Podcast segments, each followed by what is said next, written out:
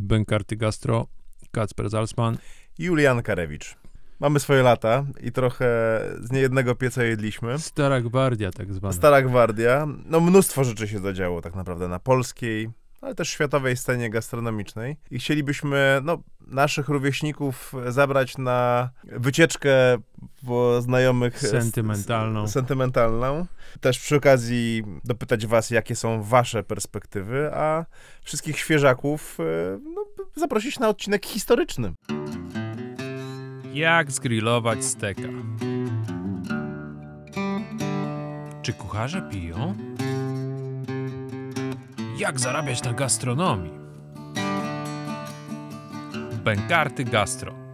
Gadamy o jedzeniu i całej kulturze z nim związanej.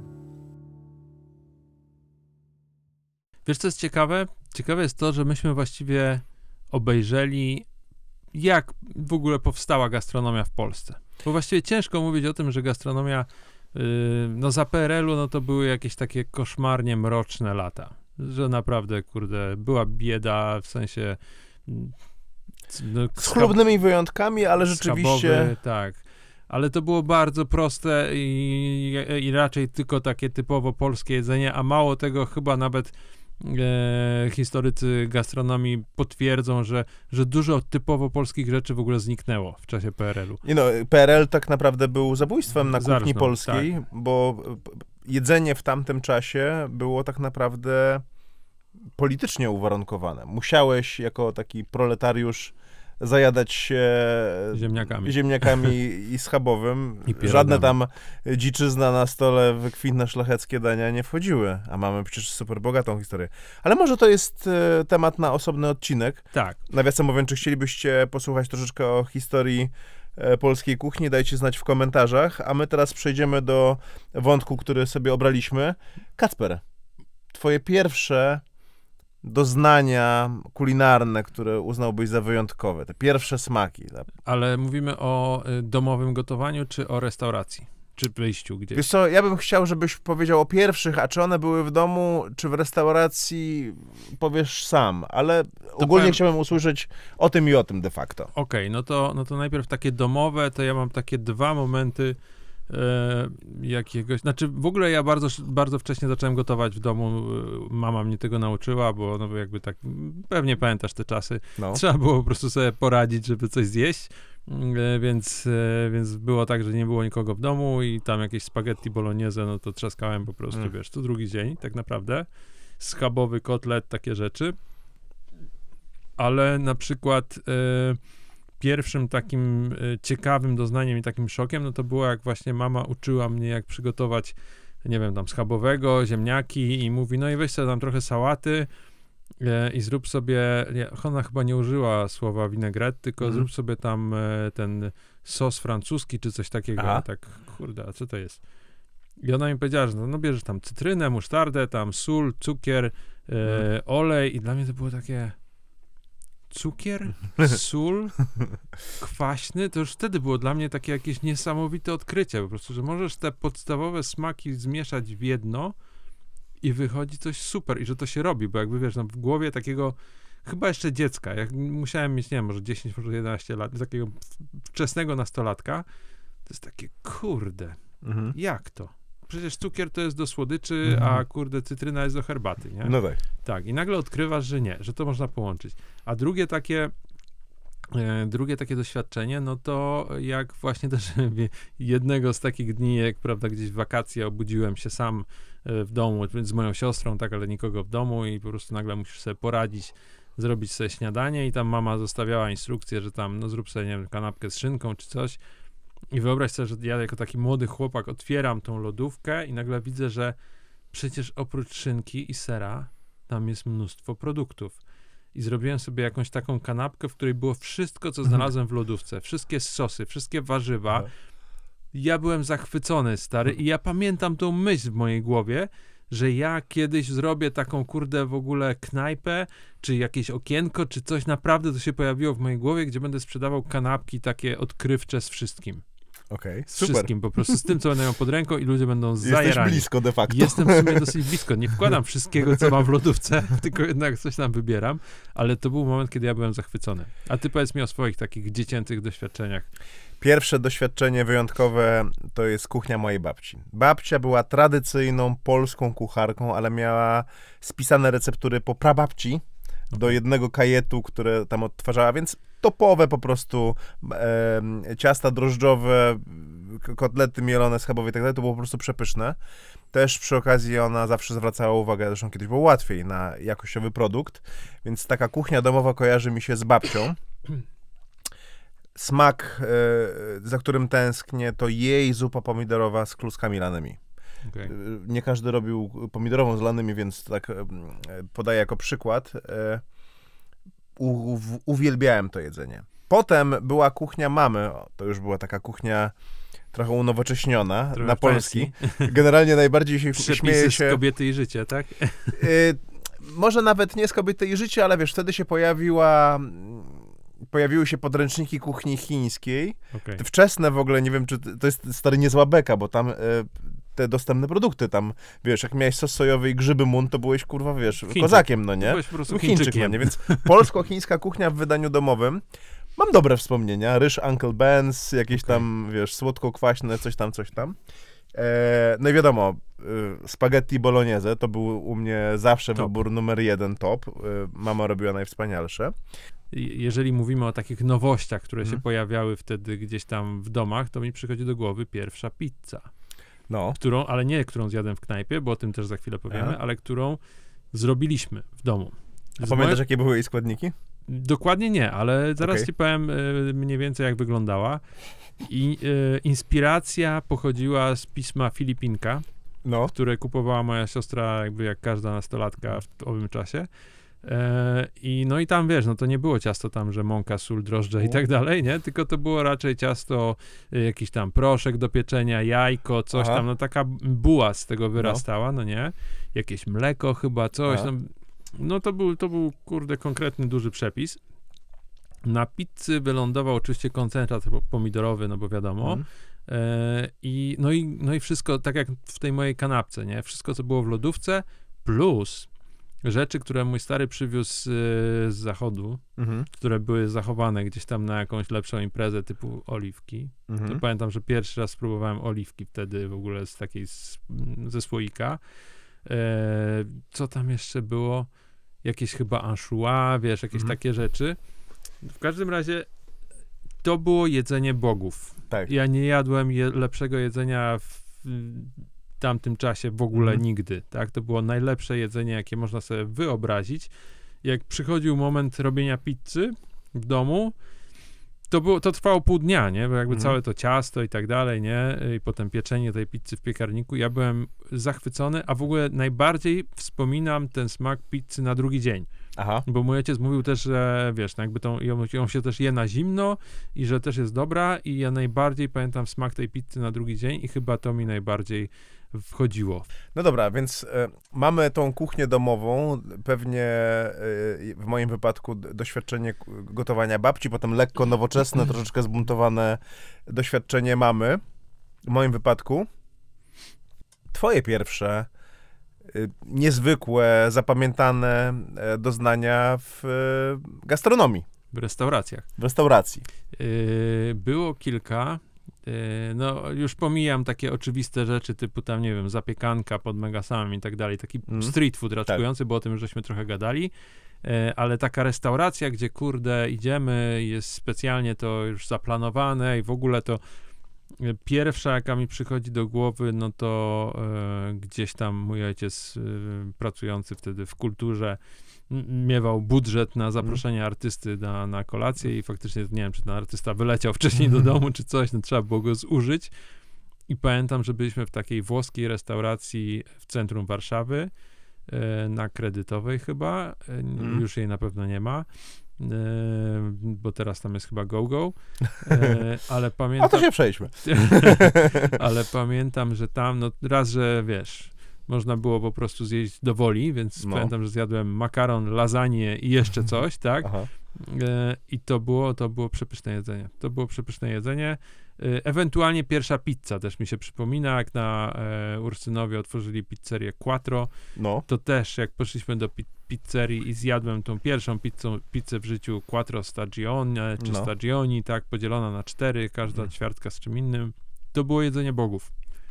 A Pierwsza twoje, twoja, pizza- twoja pierwsza restauracja, pizza, Stary, no trochę tego było, ale no myślę, że najważniejszą e, kotwicą, e, e, która, której nigdy nie zapomnę, było odwiedzanie raz w tygodniu z ojcem moim e, restauracji w hotelu Europejski, Uuu. gdzie były klasyczne dania polskiej kuchni, których, tej, których w tej jakości do dzisiaj e, nie miałem okazji spróbować.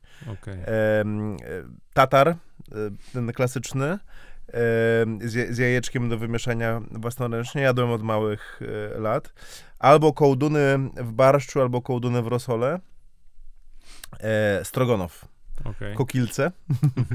e, no i kotlet de volaille. Absolutnie podstawowe smaki, za którymi tęsknię. Jeżeli chodzi o e, orientalne jedzenie, bądź jedzenie z innej kuchni niż kuchnia polska, no to dwie restauracje. Pierwsza pizzeria, którą ja pamiętam, Pizza Bambola się nazywała. Coś Była w. Alejach Jerozolimskich, e, gdzieś tam na wysokości Ochoty. Okej. E, wydaje mi się, że rewiry, żela- gdzie się żelazna zaczyna na Ochocie, tam była pizza Bambola. E, no i na Placu Konstytucji e, restauracja Pekin. Takie pierwsze polsko-chińskie jedzenie serwowali. Pamiętam, pamiętam. I tam żabie łódka właśnie też chociażby jadłem. Okej. No jak już mówisz o, o kuchni polskiej, to ja też mam takie, ale tutaj znowu wrac- wracamy do e, wspomnień domowych. To ja pamiętam czerninę, na przykład jak moja babcia przygotowywała czerninę. E, I pamiętam to dokładnie dlatego, że na maksa mi smakowała ta zupa. Mhm. Zjadłem jeden talerz, poprosiłem o drugi, zjadłem drugi talerz, poprosiłem o trzeci. Byłem malutki, nie wiem ile No. mogłem mieć lat, nie wiem, ze 4, 5.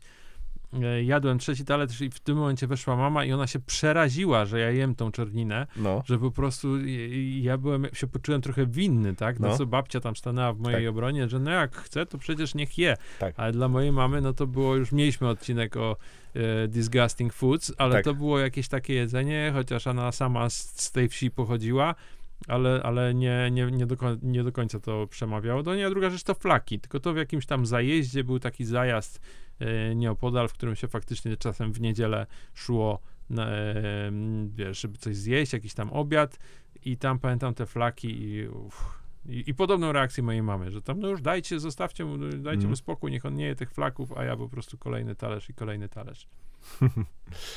No dobrze. S- y, masz swoje pierwsze doznania mm, w domu. Jadłeś niezwykłe e, potrawy, których e, mama ci broniła, jeśli doceniłeś czerninę i flaki. E, pojadłeś trochę na mieście. No i chyba wypadałoby powiedzieć ze dwa słowa o pierwszym polskim street foodzie i w ogóle street foodzie w Polsce, w Warszawie. Te zapiekanki, o których już mówiłem, wiesz, no znaczy ja w ogóle dzisiaj na to trochę inaczej patrzę, wiesz, tak myślę sobie, że ta pani się super, która te zapiekanki Mhm. robiła, w ogóle pamiętam, jak ona wyglądała do dzisiaj, to jest No. trochę niesamowite. Taki typ mama, typowa. E, I myślę, że ona po prostu świetnie się odnajdywała w tym raczkującym kapitalizmie, tam stawiając tą Tak. przyczepę koło Megasamu. E, No i co, no myśmy tam chodzili, kurde, często. Pamiętam cenę tej zapiekanki, 3600 przed denominacją. Czyli 3,60 by na Coś Pol- takiego, coś no takiego. chyba tak.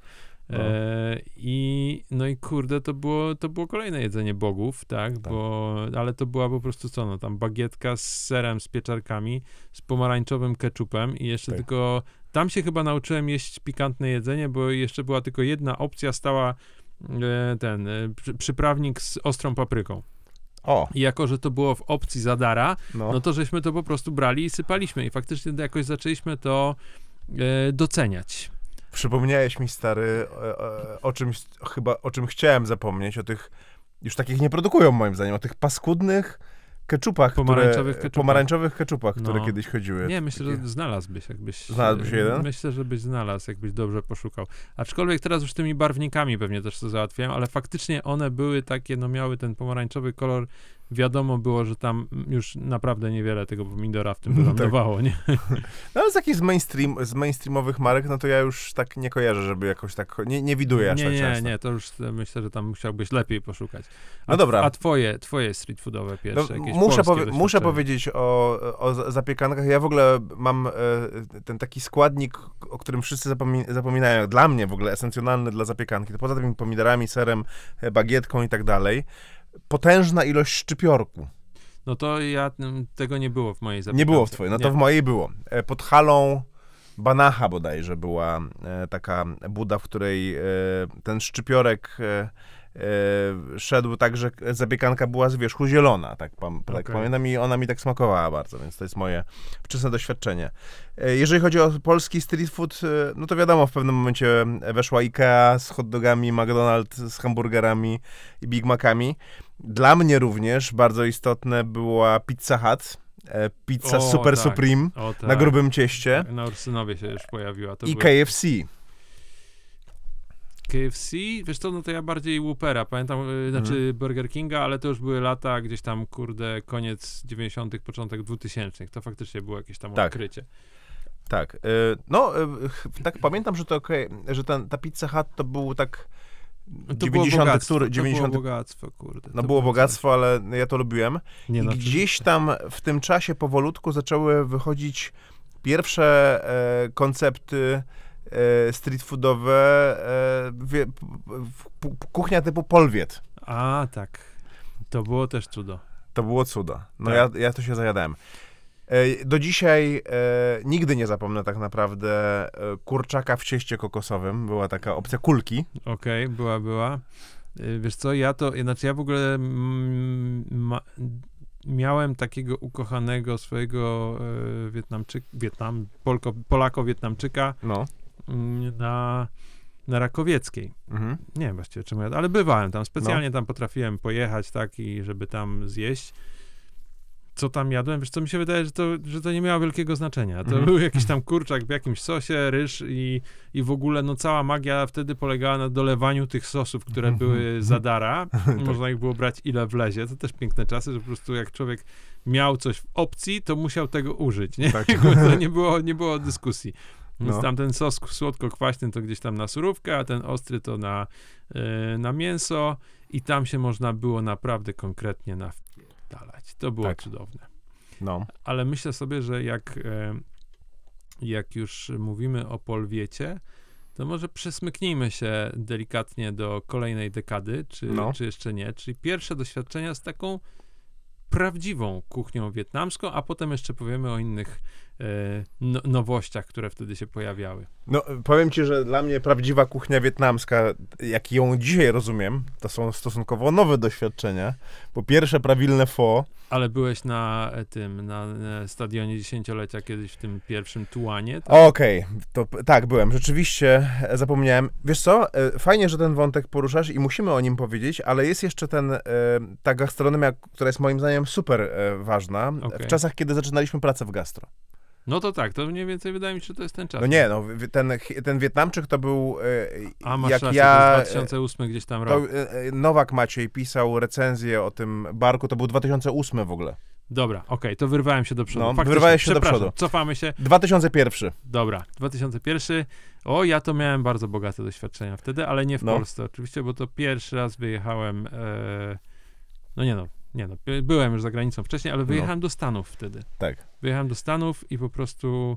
To powiedz dwa słowa o tym, e, co w Stanach zastałeś. No nie, no to w ogóle to był inny świat. No. Po pierwsze to jakby wiesz, no ym, cały czas te fast foody gdzieś tam nam się przebijają i te kurde oba, czy wszystkie trzy, czy cztery fast foody, które się pojawiły w Polsce i tam nagle po prostu zostajesz całe bogactwo, nie? Mhm. Po prostu myśmy jeździli po Stanach samochodem, potem mieliśmy taką wycieczkę. Zresztą ja pracowałem w Jack in the Box, czyli w ogóle No. jakimś takim fast foodzie, którego poza zachodnimi Stanami to w ogóle nie oświadczysz, No, e, który był bardzo fajny, bo miał naleciałości meksykańskie. okej.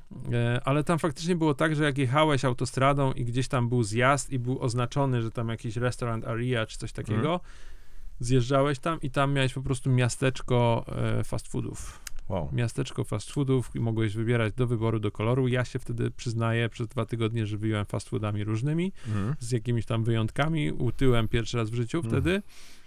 E, No ale odkryłem też inne rzeczy, wiesz, Mhm. odkryłem kuchnię chińską, amerykańską, miałem O. koło siebie właściwie knajpę, w której, wiesz, te glazury pierwszy raz zobaczyłem, oto tam te wszystkie właśnie te kurczaczki w tych lepkich sosach po prostu, wiesz, oglądałem i po prostu wiedziałem, że muszę tego spróbować. Mhm. Co jeszcze? No wiesz, no, ja pracowałem w kasynie w, re, y, w restauracji, która Mhm. serwowała seafood, więc to, to w ogóle już był jakiś kosmos Okej. dla mnie, tego do końca nie rozumiałem jeszcze wtedy, E, ale wystarczyło pójść do stołówki pracowniczej, bo tam pracowników było tylu, że po prostu musiała być oddzielna stołówka, e, żeby nas wyżywić. No i tam to po prostu to jedzenie, to wiesz, no pasty, nie pasty, hamburgery, hot dogi, kurde, wiesz, w ogóle co chcesz, nie? Czad. Więc, e, więc ja to po prostu wtedy, no i to tutaj z racji naszej roboty, no pierwszy raz zobaczyłem konkurs barbecue na oczy, który po Wow. prostu, e, cała ulica była zamknięta na tydzień. E, Święto, czy konkurs robienia żeberek, który do dzisiaj oczywiście trwa, bo to jest już wieloletnia tradycja, czyli Rib Cook-Off w Reno w Nevadzie. E, Zatrudniłem się na tym, e, na tym konkursie, bo to moje kasyno organizowało, więc tam Aha. jeszcze dodatkowo sprzedawałem piwo e, dla ludzi, którzy jedli te żeberka, ale nie potrafiłem wtedy tego zrozumieć, że oni to tyle czasu robią. Dla mnie to było jasne, że wiesz, że no jak się żeberka robi, no to co, do zupy mama wrzuca i za tam dwie godziny jest właściwie gotowe, nie? No. E, a tam faktycznie no, te wędzarnie, smokery podpalane, kurde, na wiele godzin.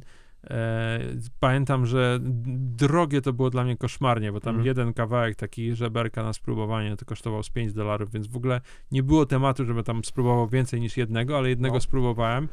Było to przepyszne. Byłem, był jakiś taki jeden z tych momentów właśnie, wiesz, jak, jak, to, jak ten winegret, nie? Pierwszy raz Mhm. takiego trochę olśnienia, że Mhm. kurde, jakie to jest dobre, ta słodka glazura, to mięso, w ogóle coś Mhm. tam. Ale i tak nie kupiłem następnego, bo jakby byłem Polakiem na emigracji, więc jakby Tak. wiesz. Więc ja tych doznań w tym y, 2001 roku to miałem całe mnóstwo. To było jakby, ja nawet myślę, że przeładowany byłem tym tematem. Wróciłeś do Polski w 2002? Nie, w 2001 i poznałem cię w 2002, bo Okej. od razu się zatrudniłem w jak wróciłem. I to był dla mnie ciekawy moment. Ciekawy, ale też biedny zarazem, bo mam takie wspomnienie, że ta barwność tej gastronomii warszawskiej chociażby była mierna. E, To były czasy, kiedy zaczęliśmy się ekscytować e, krewetkami, moim zdaniem, Tak. E, ale jak też się chodziło na miasto, mm, to nie było zbyt dużego wyboru. Ja do dzisiaj nie mogę zapomnieć knajpy, do której my chodziliśmy na aftera po melanżu zjeść i hitem absolutnym był makaron spaghetti z sosem szpinakowo-czosnkowym A, no tak. w lemonie. Ja, to ja, ja tam kanapki jadłem. Ty jadłeś kanapki, ale Jezu, Emil i ja, kanapka, słuchaj, kanapka tam z indykiem i z żurawiną, no, odkrycie, nie? A to w ogóle jest tak, tak, taki standardowy standard, że Tak. nawet po prostu trudno w ogóle. To, to jest pierwsze, co ci przychodzi do głowy, do, do indyka, tak? Jakby wiadomo. Dla mnie to był wypas. I jeszcze był tam sos, y, ten, ser pleśniowy. Przepyszna właśnie. kanapka. Przepyszna. Na owe czasy oczywiście. no. Nie wiem, czy pamiętasz e, menu w ogóle w, e, w Tygmoncie Właśnie samym. miałem cię o to zapytać, bo to, i- jak ja tam trafiłem, to dla mnie to było całkiem wypaśne menu. No, I Pamiętam, że mój ojciec nawet specjalnie przychodził tam na tatara i tam na te w ogóle te ziemniaczki z jakimś tam boczkiem czy coś. no, było. Tylko tak jak potem spojrzałeś, już nawet tam 5 czy 10 lat minęło później i, i patrzyłeś na to menu, to myślałeś sobie, o kurde, to jest w ogóle ostro zgrany temat, nie? tak. No ja nie, nie mogę zapomnieć dania pod tytułem e, kurczak w panierce z sosem miodowo-musztardowym. Tam było t- takie, tak, pałki a la KFC, tylko że bardziej pulchne, takie chyba ciasto, jak do fish and chips było. tak, to było dobre. Eee. O Jezu, to było dobre, teraz mi przypomniałeś. No. No to, czy- e, no i, no nie wiem, e, mam wrażenie, że to były czasy, kiedy ta kuchnia, tak jak patrzy się z perspektywy czasu właśnie, nie była zbyt ciekawa, jakaś nowa fala, ale tak naprawdę rewolucja w e, kulinariach e, w Polsce dla mnie zaczęła się dopiero, i tutaj powracamy do czasu, który ty zaznaczyłeś, Ale czyli poczekaj, poczekaj. Wiesz, co się jeszcze w tamtym czasie pojawiło? kebaby. Kepsy. Pierwszego kepsa, kiedy jadłeś jakiego? No, na, pod, pod kinem bajka, Tak. e, nie pamiętam jak się, tam były dwa konkurencyjne. No nie wiem, czy nie ma. no. pod E, bajką. No, pod bajką, no to było, to było ważne doświadczenie To było kulinarne. ważne, tak, tak. Ten ostry sos, który wypalał ci wszystko, już nie tak jak dzisiaj, że te Tak. sosy to są takie, wiesz, z butelki gdzieś tam z makro, tylko wydaje mi się, że oni to jeszcze wtedy robili sami. Tak. E, I ta, no i, no i buła, no, jakby nie było jeszcze wtedy tematu, wiesz, e, ke, kebaba na cienkim, tylko po prostu tylko była buła i tam było mnóstwo towaru. Tak. I to było, no ja Olbrzymie. na, na, jak się wtedy miało tam powiedzmy z kasą różnie, tak jak my, Mhm. myśmy pewnie w tym wieku obaj mieli, no to to była no, no dobry stosunek ceny do jakości. No, trochę Tak. jak Wietnamcy, Wietnamczyk. No, ja, ja pamiętam do dzisiaj e, cenę tego kebaba pod bajką. Było, mały kebab kosztował 6 albo 7 zł. Tak, jak go powiększyłeś, to potrafiło to wzrosnąć do 9, co ja Tak. zazwyczaj robiłem. tak. Ale umówmy było... się, to były czasy, kiedy fajki kosztowały 5,40. tak. Elemy niebieskie pamiętam, Tak, kupowałem. Dobra, 2006, 2008, tak do tego chciałeś przeskoczyć? Chyba tak, no chyba, że zna, znalazłeś coś po drodze e, Nie, możemy, możemy iść dalej. istotnego. No, e, 2006-2008 to jest moment, w którym ja się naradziłem dla gastronomii, tak jakby, że tak powiem, z pasji, e, bo wtedy e, myślę, że to da się wyjaśnić w ten sposób, że znaczna część kucharzy, czy osoba, osób, które się zajmowały gastro, wróciła z e, wyprawy do UK, czy tam do innych krajów Unii Europejskiej, no i przywiozła wie, wiedzę. Z, z jednej z pierwszych wypraw Tak. do UK, tak, tak. Dokładnie. No i wtedy się pojawiła świadomość produktu, e, świadomość dobrego wina, pierwsze lokale, e, pi- pierwsze browary rzemieślnicze, e, pierwsze kraftowe coś tam, e, mali rzeźnicy, lokalne warzywa i tak dalej, i tak dalej. I to były czasy, kiedy e, gdzieś tam autentyczny street food wietnamski, pierwszy na stadionie, e, czy, czy, czy inne ciekawe e, opcje. Dla mnie również e, praca na Sosu 44, gdzie tak naprawdę załapaliśmy się na najfajniejsze czasy dla produktu.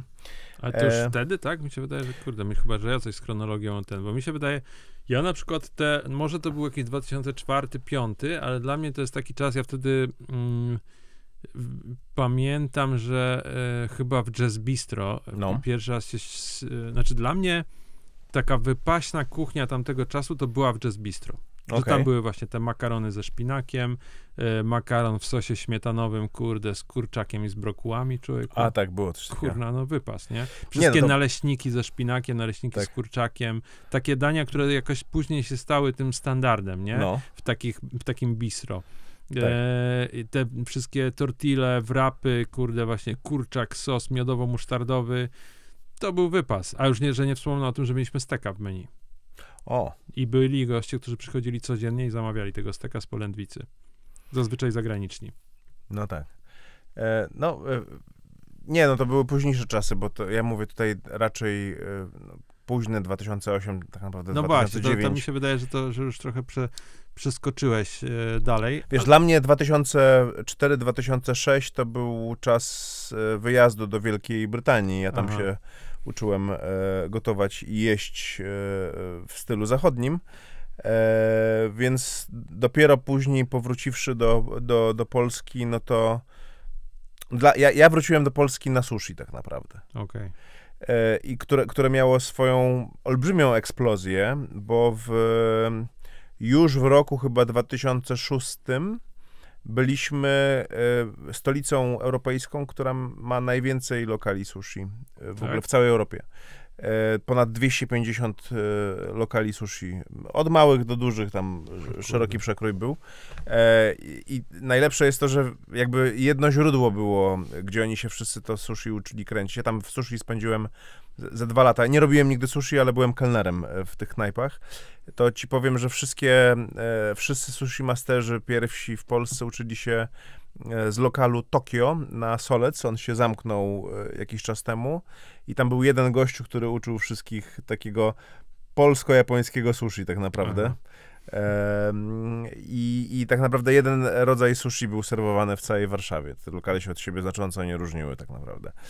E, I to, był to było moje wspomnienie. No, bardzo dużo się nauczyłem. Przede wszystkim zjadłem surową rybę po raz pierwszy. Okej. E, potem uznałem, że jest to jej chyba najlepsza forma de facto. No to ja w tym czasie, jeżeli już mówimy o sushi, to e, no to dotarłem do momentu, o którym już kiedyś wspominaliśmy, czyli ten, em, Boże, nie Kult Club, tylko czyli restauracja Kaja Szunhalsa na Zielnej, No. kom.